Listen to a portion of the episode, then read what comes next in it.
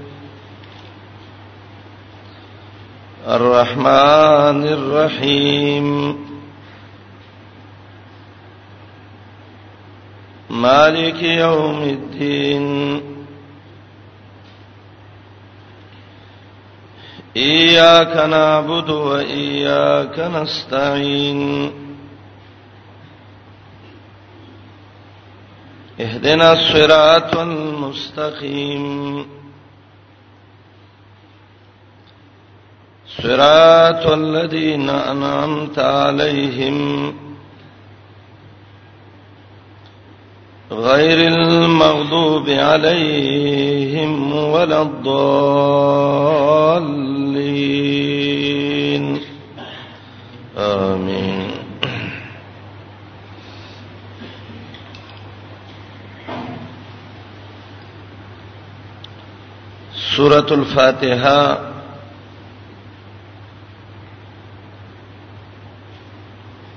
د مصحفي ترتیب په لحاظ سره دا اولنې سورۃ ده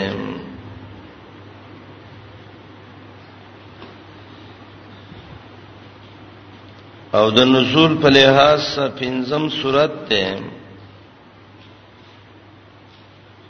د المدثرنا رست نازل شوه دی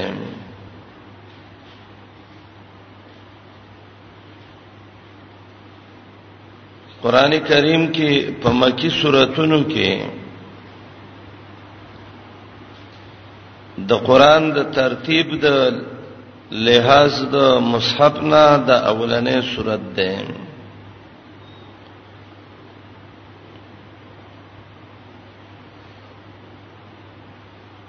د دې صورت نمونه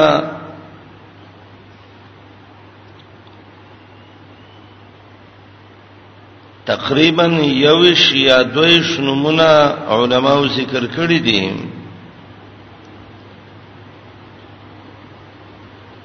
عربی کې دا قاعده او قانون ده چې وکثرت الاسماء تدل علی شرافت المسمى چې دا چا نمونه ډیری دا دلالت په دې باندې کوي چې مسما چې چاله د نومي خدل شوی دی نو دا د ډیر عزت والا دی نو سورۃ الفاتحه قران کې یو لوی شان لري یو لوی حیثیت لري یو لوی منزله او وقار لري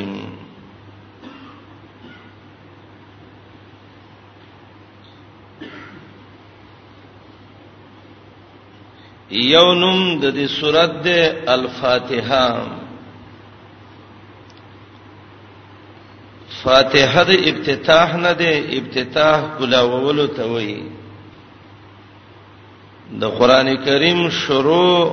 د دینه کیږي نو الفاتحه د سورته تزکوي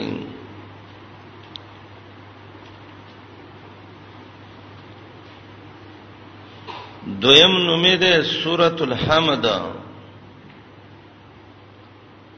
هغه سورۃ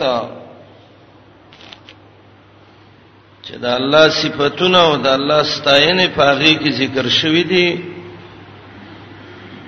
داغه سورۃ ده الحمد لله رب العالمین دریم نومې ده سورۃ الصلات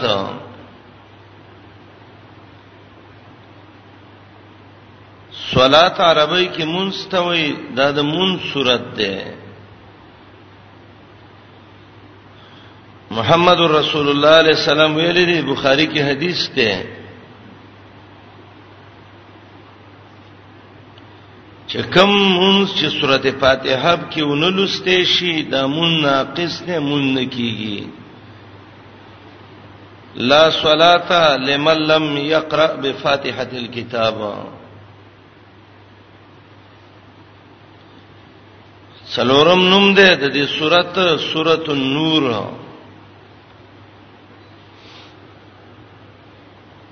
نور عربی کې رڼا ته وایي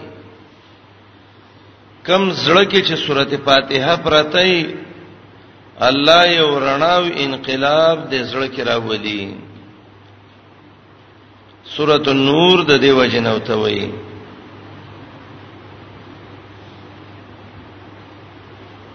پنځم نومې ده اعظم الصور قران کریم کې دا ډېر اوچت صورت دی لوی صورت دی زیرستویم امام بخاری یو حدیث راوړی دی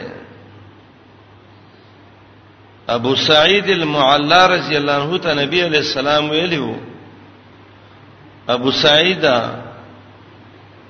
لا اعلمنک سورتن هي اعظم سور القران یو د سې صورت د تخیمه چې قرآن سوراتونو کې ډېر د اوچت مقصد والا دی حدیث د ابو سعید المعلا کوم چې امام بخاری راوړی دی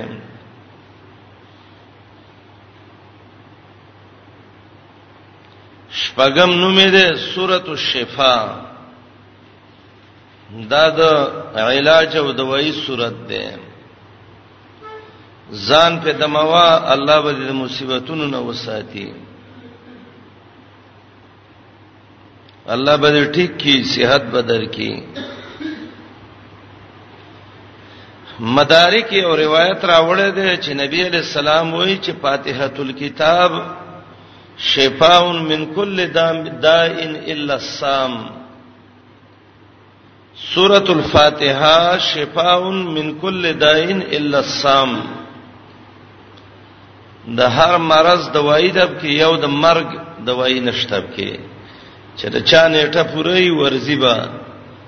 نور بیماری په دې صورت ځان دم کا الله به دې خکی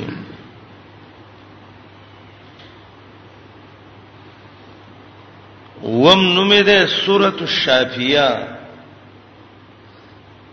هغه صورت چې هغه ډیر شفا ورکوونکې صورت ده ابن حاجب کتاب دی الشافیہ پای کې دونه شفا نشته ده د الله سورته فاتحه د سورته الشافیہ ده اتم نومې ده سورته الرقیہ د دم صورت ده ابو سعید خدری رضی الله عنه روایت کې راځي امام بخاری راوړی دی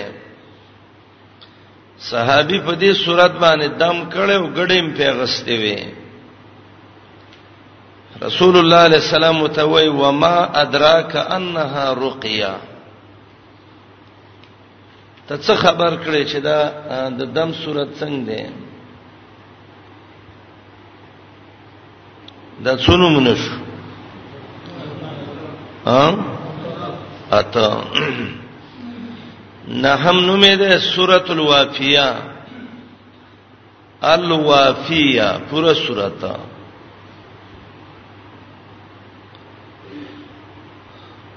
لسم نومې ده سورۃ الواقیه د وخایې نه ده وخایې بچ کولو ته وای دا سورۃ ده چې ځان په دموال الله بر شیطانان نه بچ کی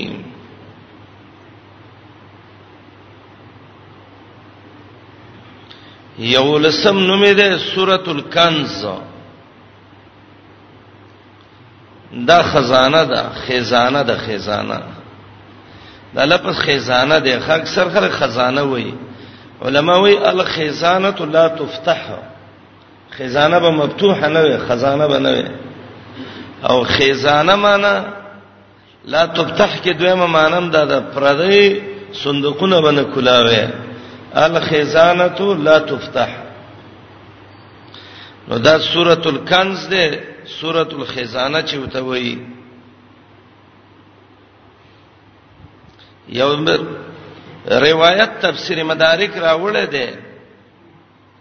چې نبی علی السلام وایي چې فاتحه الكتاب کنز من کنوز عرش الرحمن سوره فاتحه د عرش د مهربان ذات د خزانو نه یو خزانه ده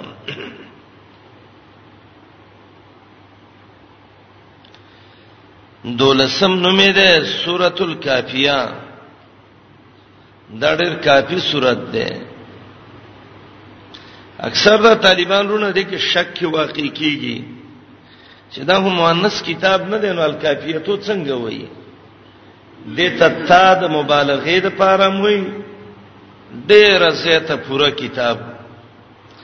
او د تتا د نقل د پاره موي د وصفیت نه اسمیت تراړی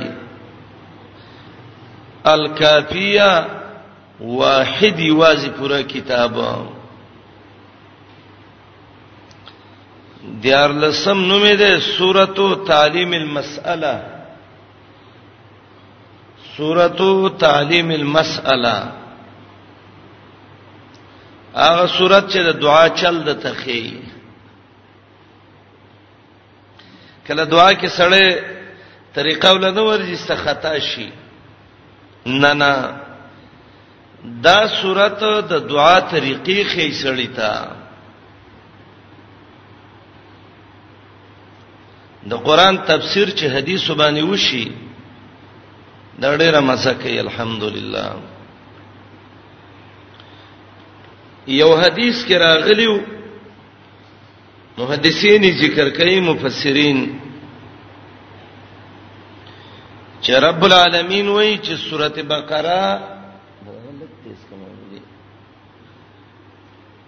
سورته فاتحه دا دسي سورته ده چې الله وایي چې نیم زما ده او نیم زما د بنده په مینس کې ده څنګه بنده کله وایي الحمدلله رب العالمین صحیح الرحمن الرحیم مالک یوم الدین الله ملائکه ته وایي حمدنی عبدی زما بنده زما صفاتونه وکړه تاسو ته وګورئ زما صفات کوي بنده وای مالک یوم الدین الله تعالی قیامت د ورځې اختیار منی رب العالمین وای مجدنی عبدی ملائکو ګورې زما دې بنده زما څونه لوی بیان کړه دا بنده وې ایا کنا عبدو و ایا کنا استعين رب بندگی ستا کوم الله مدد ستا نه غواړم الہ العالمین وې هذا بيني وبين عبدي ولعبدي ما سأل دا نیم زما ده او نیم د بنده ده زما بندگی کوي الله ته معبود نو حاز علی وبین عبدی نیم زما د بنده ده چې الله تعالی مدد غواړم او ولعبدی ما سأل زما بنده چې څه غواړي الله وې زی ورکوما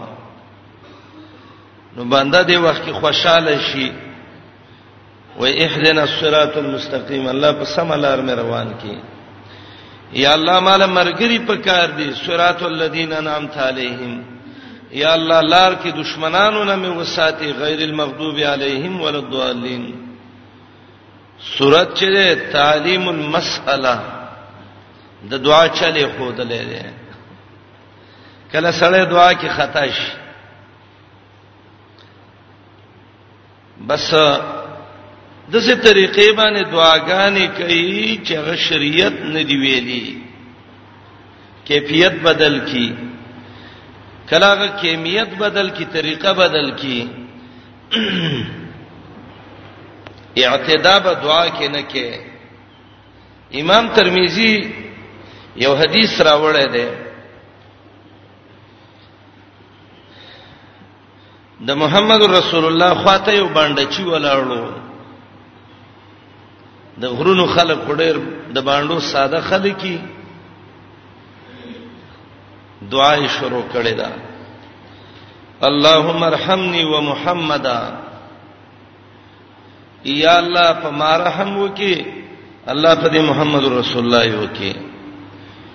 ولا تشرک معنا احد غور دریم ګړې راسو شریک نه کې کار را لونه ګورې ربا سړی او خطا شو رسول الله علیه السلام متوي لقد تهجرت واسعا زما مرګره د الله ډیر پراخ رحمو او بلک ځکه دې را باندې کړه سم کوه عمومي دعا کوه د عمومي دعا دونه فائدہ ده دا دعا چې چا ویل صحیح حدیث ده اللهم اغفر لي ولوالدي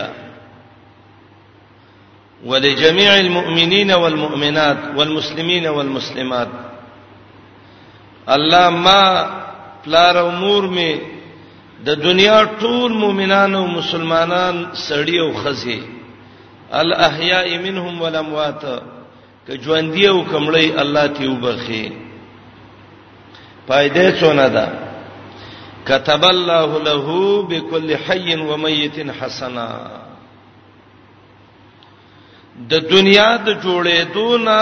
تر دې وخت پورې چې څونه ژوند یو مړی په دنیا کې دي د یو یو په سر به الله یو یو حسنه او نیکی ورکی دا وی وی ډیره قیمتي دعا ده اللهم اغفر لي ولوالدي وللمؤمنين والمؤمنات والمسلمين والمسلمات الاحیاء منهم والاموات څومره مړی چې شوې دي څومره ژوند دي چې دي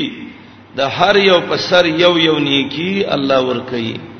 دا روایت بالکل سند صحیح دی مچ سره په عمل وکي نو د سورۃ د نمونو نه یو نوم دی تعلیم المسأله د صورت د دعا د غختلو چل خې سړی تا قران شروع شکنه د مون چلم خې د دعا چلم خې د خیراتم خې د عبادتم خې د حجم خې د روجیم خې د زکات طریقه د واده طریقه د بچی د پیدا کېدو طریقه د طلاق طریقې د خلع طریقې د پي ورکولو د مور بچی له دا طریقې سورته بقره کې را روان دي څلور عمومي قاعده د سیاست المدن لس قاعده چې د نفس تعلق ساتي د تهذیب الاخلاق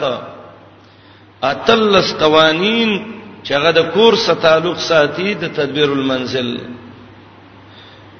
د ملک اصلاح په دې قوانینو راځي د دې صورت 14 نوم دی السبع المثانی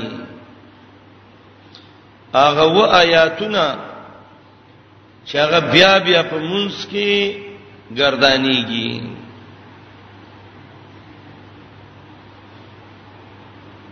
حدیث د ابی ابن کعب چې امام احمد مسند احمد کې راوړی دی پاغه کې دا راځي چې رسول الله علیه السلام ویلو انها السبع المسانی سوره فاتحه سبع المسانی ده یعنی و هغه آیاتونه دي چې بیا بیا بیانېږي ولقد اتیناک سبعا من المثانی قران چې وایي دا سوره فاتحه ده د اکثر علماو په نسبانه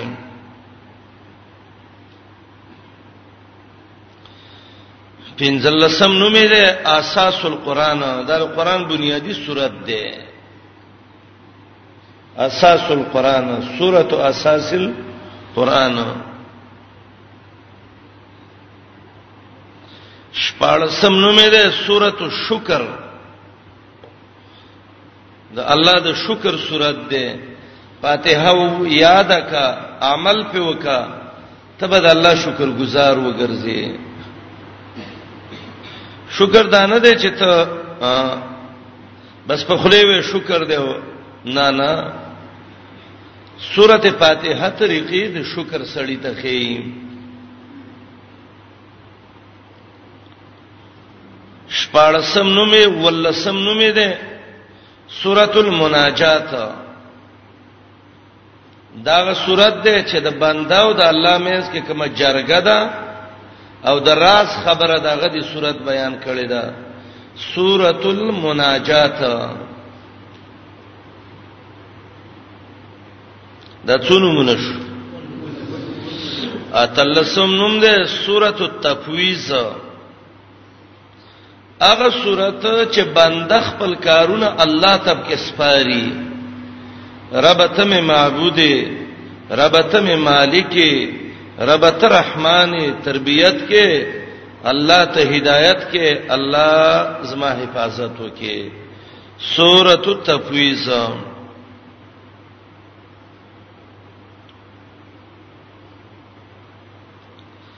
بل نوم د دې سورته ده سورته ام الكتاب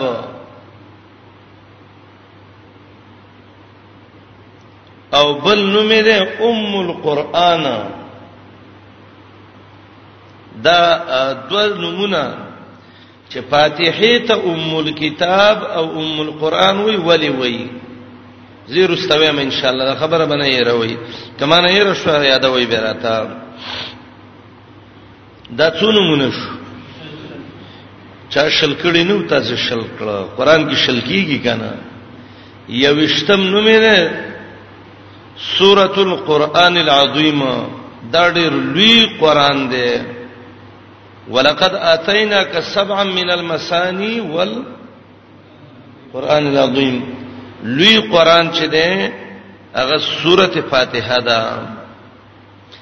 د هر مال نوم کې جدا جدا معنی پرته ده چې په خپل مسما دلالت کوي وکثرت الاسماء تدل على شرافه المسمى واستاده وینو بالکل بخکار شي د چا چې نمونه ډيري دا دلالت کوي په شرافت د مسما باندې پلانې سړی عالم هم دی ډاکټر هم دی انجنیر هم دی ډرایور هم دی پوی هم دی او خیر هم دی د دې معنی دا ده چې د کې کمالات پراته دي وکثرت الاسماء تدل علی شرافت المسمى دا یو شنمونه ورونو د سورۃ الفاتحه دی دلته د مفسرینو یو وجه ذکر کوي هغه دا ده چې سورته فاتحه ته ام القران او ام الكتاب ولي وایي دا غډیر سوراتونه دي نو دې سورته ام القران او ام الكتاب ولي وایي نو د دې په باره کې د علماو مختلف اقوال دي اول خدا دې چې دا نمونه په کم ځای کې راغلي دي چې فاتحه ته هم القرآن او هم الكتاب وایي امام ترمذی د ابو هريره رضی الله عنه حدیث راوړی دی مخرج یاد کې چې به مشکل نه وي امام ترمذی د ابو هريره رضی الله عنه روایت راوړی دی ابو هريره د نبی عليه السلام نه نقل کړي رسول الله عليه السلام ویلو سوره الحمد ام القران و ام الكتاب و سبع المثاني سوره الحمد سوره فاتحه چې ده دا ام القران ده دا ام الكتاب دا او دا السبع المسانی دی دا څلور نمونه په حدیث د ترمذی کې ابو هريره جلانو روایت کې راغلي دي چې سورۃ الحمد ام الکت قران و ام الكتاب و سبع المسانی وسدای چې دته ام القران او ام الكتاب ولي وایي یو وجه او دا ماته ټولو کې خخ کاری نو د دې وجه نه دغه سره را مخ کې کومه وېمه امام بخاری رحمت الله علیه په کتاب التفسیر کې ذکر کړی دا اولنې وجہ امام بخاری په کتاب التفسیر کې ذکر کړی دا هغه دا ده چې ام عربی کې اصل او مرجع ته وایي ام عربی کې اصل او مرجع ته وایي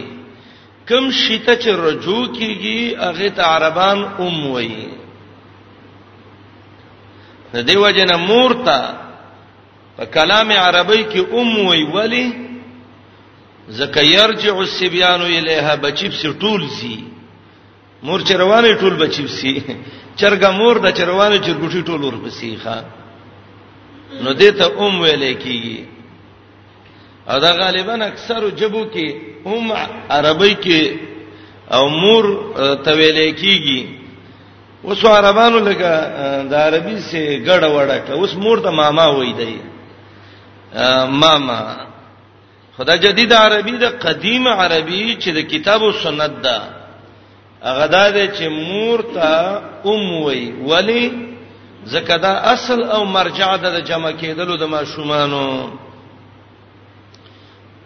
لکه څنګه چې مور ته بچی را جمع کیږي نو سورته فاتحه ته معانی د قران احکام د قران مزامین د قران اجمالاً د صورت ذکر کړی دي تاسو به وای څنګه ذکر کړی دي کتب او ته وګورو توحید اصل د عبادتو ده سیده کنا الحمدلله توحید د اولوہیت لله توحید د ربوبیت رب العالمین توحید د اسماء او صفات الرحمن رحیم مالک اثبات د قیامتم صورت کې ته اشاره شوې ده مالک یوم الدین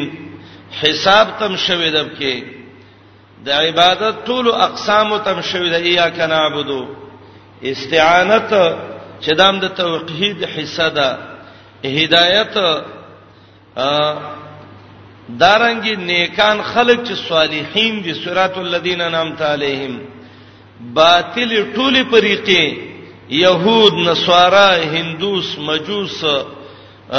دا ټول چرواله دا المغضوب علیهم او الضالین دي امام بخاری کتاب التفسیر کې دا وجه معلومیږي او دا ډیره خدا چې ام اصل او مرجع ته وای سورته فاتحه کې ټول معانی احکام مزامین د قران اجمالا ذکر شوی دي نو دته ام الكتاب او ام القران زکوي دیو جبانی پوښوي دویمه وجہ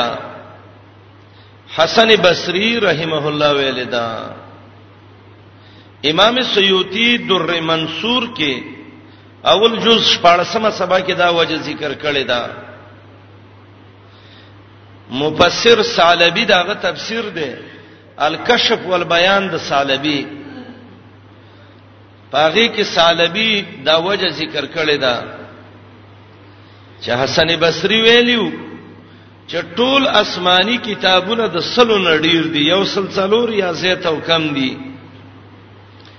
چا چې د دې فاتحه علم یاد ک نو د څه دی لکه د چې تفسیر د ټولو آسماني کتابونو یاد کړي حسن بصری د څه وایي انزل الله 400 کتبنا الله یو سلسلور کتابونه را لېګلې دي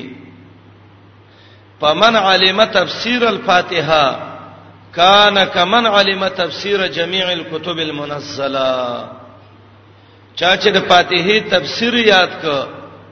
د سیده لکه د ټولو اسمانیو کتابونو علم چې یاد کړی د دې وجنه حافظ عماد ابن کثیر وای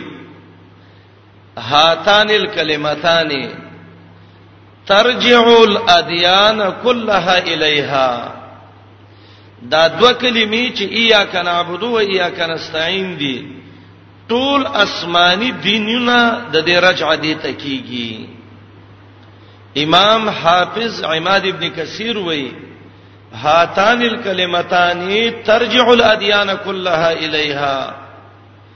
د دې دوو کلمو ته ټول دینونو رجع کیږي دا دو وجه شوي دریم وجه ابو عبید په فضائل القرآن کې ذکر کړی دا ابو عبید په فسائل القرآن کې درې موجه راوړې ده او دای د عبد الله ابن عباس رضی الله عنه نقل کړي ده هغه ده ده چې سورته فاتحه ته ام الكتاب وی ولی وای عبد الله ابن عباس رضی الله عنه ویل دي لكل شيء لباب ولباب القرآن الحواميم السبعه د هر شي یو خلاصي یو مغز او نچوړي او د قران کریم لوباب او مغز حوامیم سبع دي چې د حامیم مومن نه شروع دي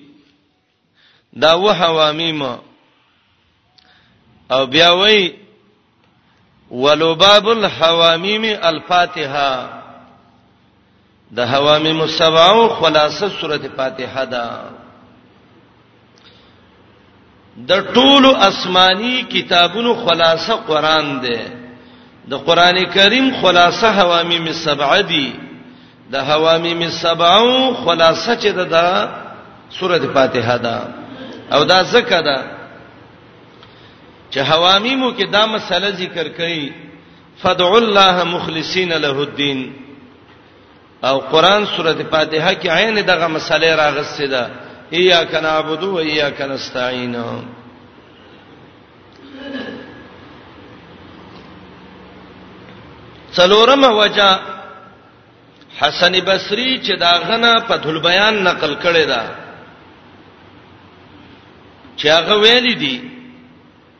چې په یو مرسل حدیث کې راغلي دي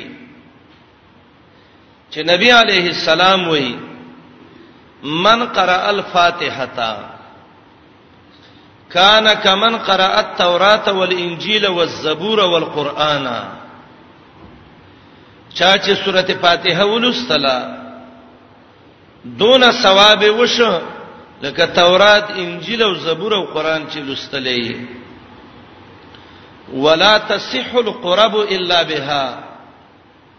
امام قرطبي د دې معنی کړی دا معنی ولا تصح الصلاه الا بها منځ د فاتحه نه په غیر نه کیږي نو مفسر قرطبي وایي چې ثواب دون ډیر دی لکه تورات انجیل زبور چې د لوستلې قران نو فلهذا صارت ام القران د دې وجنا د ام القران وګرځید نو ام القران د دې وجنا او توي او ام الكتاب چې د دې ثواب دون ډیر دی لکه آسماني کتابونه چې لوستل دي دا څو خبرې شوې پنځم وجه عام د قران مباحث شپږ دي قران کې عموما لوی بحثونه څو کیږي شپږ کیږي شمارې توحید یو رسالت دوا توحید رسالت احکام بعث بعد الموت د قیامت مسلې احوال اهل السعاده د نیکبخت خلکو حالت احوال اهل الشقاوه د بدبختو خلکو حالت دا شپږ د قران لوی مسلې دي توحید رسالت احکام باس بعد الموت احوال اهل السعاده احوال اهل الشقاوه او دا شپږ واړه سورته فاتحه کې شته څنګه ګوري وتا الحمدلله توحید رب العالمین الرحمن الرحیم دا چې دینو دا دلایل په دې باندې شو ایا کنابدو کې احکام ته اشاره ده نه الحمدلله توحید مالک یوم الدین دا ذکر د باس بعد الموت ایا کنابدو کې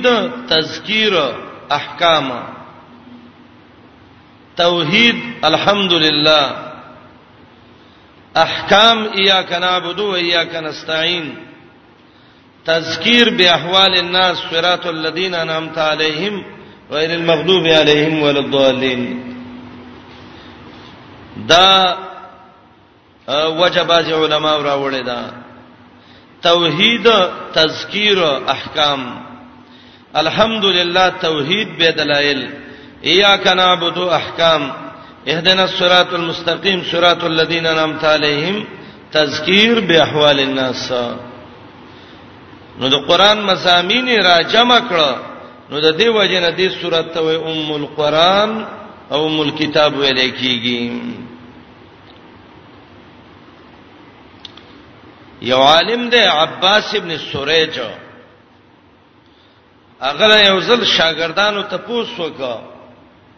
چې شیخ عباس ابن سوریجا حدیث د ترمذی کې سورۃ فاتحه ته ام القرآن ولې ویل شوې ده نو هغه ویلې چې قران کې یاد الله نمونه اسماء او صفات بیانېږي یاد الله وعده او عذابونه بیانېږي وعده وعید او یا په قران کې احکام بیانېږي څو خبرې کې بیانېږي د الله اسماء او صفات الاسماء والصفات او دویم الوعد والوعید د الله وعده او عذابونه جنتین ته وعده د جنت جهنمین ته وعیدات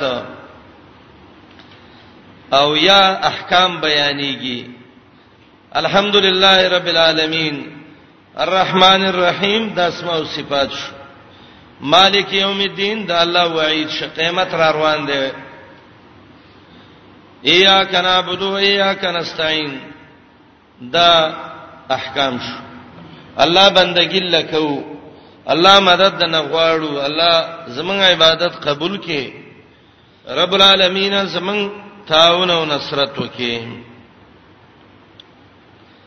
تفسیر بیزاوی لیکلی دی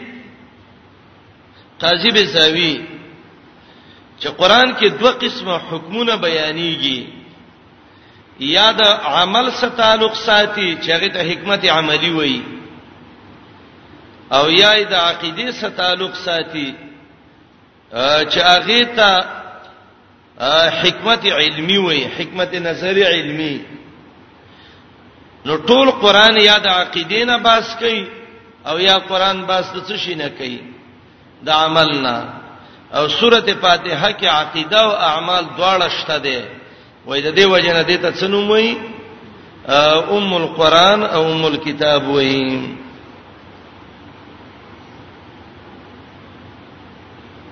یو بل وجه زمنګ مشایخ علما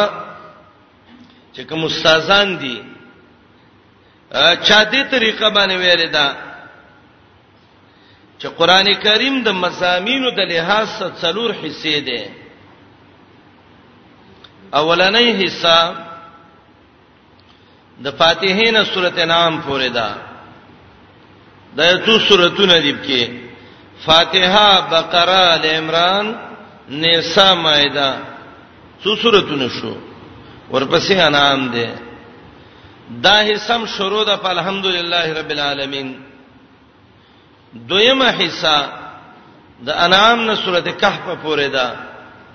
انعام اعراف انفال توبه یونس هود یوسف راد ابراهیم حجر نحل بنی اسرائیل دام شروع ده الحمدلله باندې درې مهیسا د کهف نه سبا پورې ده کهف مریم طه انبیاء حج مومنون نور فرقان شعرا نمل قصص عنکبوت روم لقمان سجده احزاب دام په الحمدلله شروع ده او څلورمه حصہ اخر پورې ده یو اتیا سوراتونه د قران په کې دي دولس باب ده وایي دا ولنې حصہ چې د فاتحین انعام پورې ده دې کې دا مسله ذکر کړي چې د تمام مخلوق خالق الله دی الخالق لكل شيء هو الله دویمه حصہ چې د انعام نه کهف پورې ده هغه کې دا مسله بیانې مربي او تربيت د ټول مخلوق الله کوي او دریمه حصہ چې د کهف نه سبا پورې ده هغه کې دا مسله بیانېږي چې په تمام مخلوق کې برکت اچون کې الله دی او څلورمه حصہ چې اخر پورې ده د کې دوه خبرې بیانېږي یو خبره دا ده قیامت را روان دی تیارې او توکي دغه دې نږدې دی قیامت راغی او دویمه دا ده په الله په زور څوک شفاعت نشي کوله نو اوله حصہ کې خالقیت د الله دویمه کې تربیت کون کې الله دریمه کې مربي الله څلورمه کې قیامت او نه په شفاعت قهري او سوره فاتحه د ټول مزامینو لرا جمع کون کې دا څنګه ګوري وتا الحمدلله الله الحمدنا دي دس الله چې دا ټول مخلوق پیدا کړي اولنې حصہ رب العالمین د سزاد دی چې د مخلوق تربیت کوي هغه دویم مضمون الرحمن الرحیم د سزاد دی چې عام او خاص رحمتونه دي ادرې مه حصہ چې برکت پکې چي مالک یوم الدین قیامت راغې نږدې دې را ورسېد ښا په الله ته په زور شفاعت نشي کوله او به غدو قسمه خلق جنتین جهنمین نو فاتحه ته ام القران وای د دې وجنه چې د قران د څلور مزامین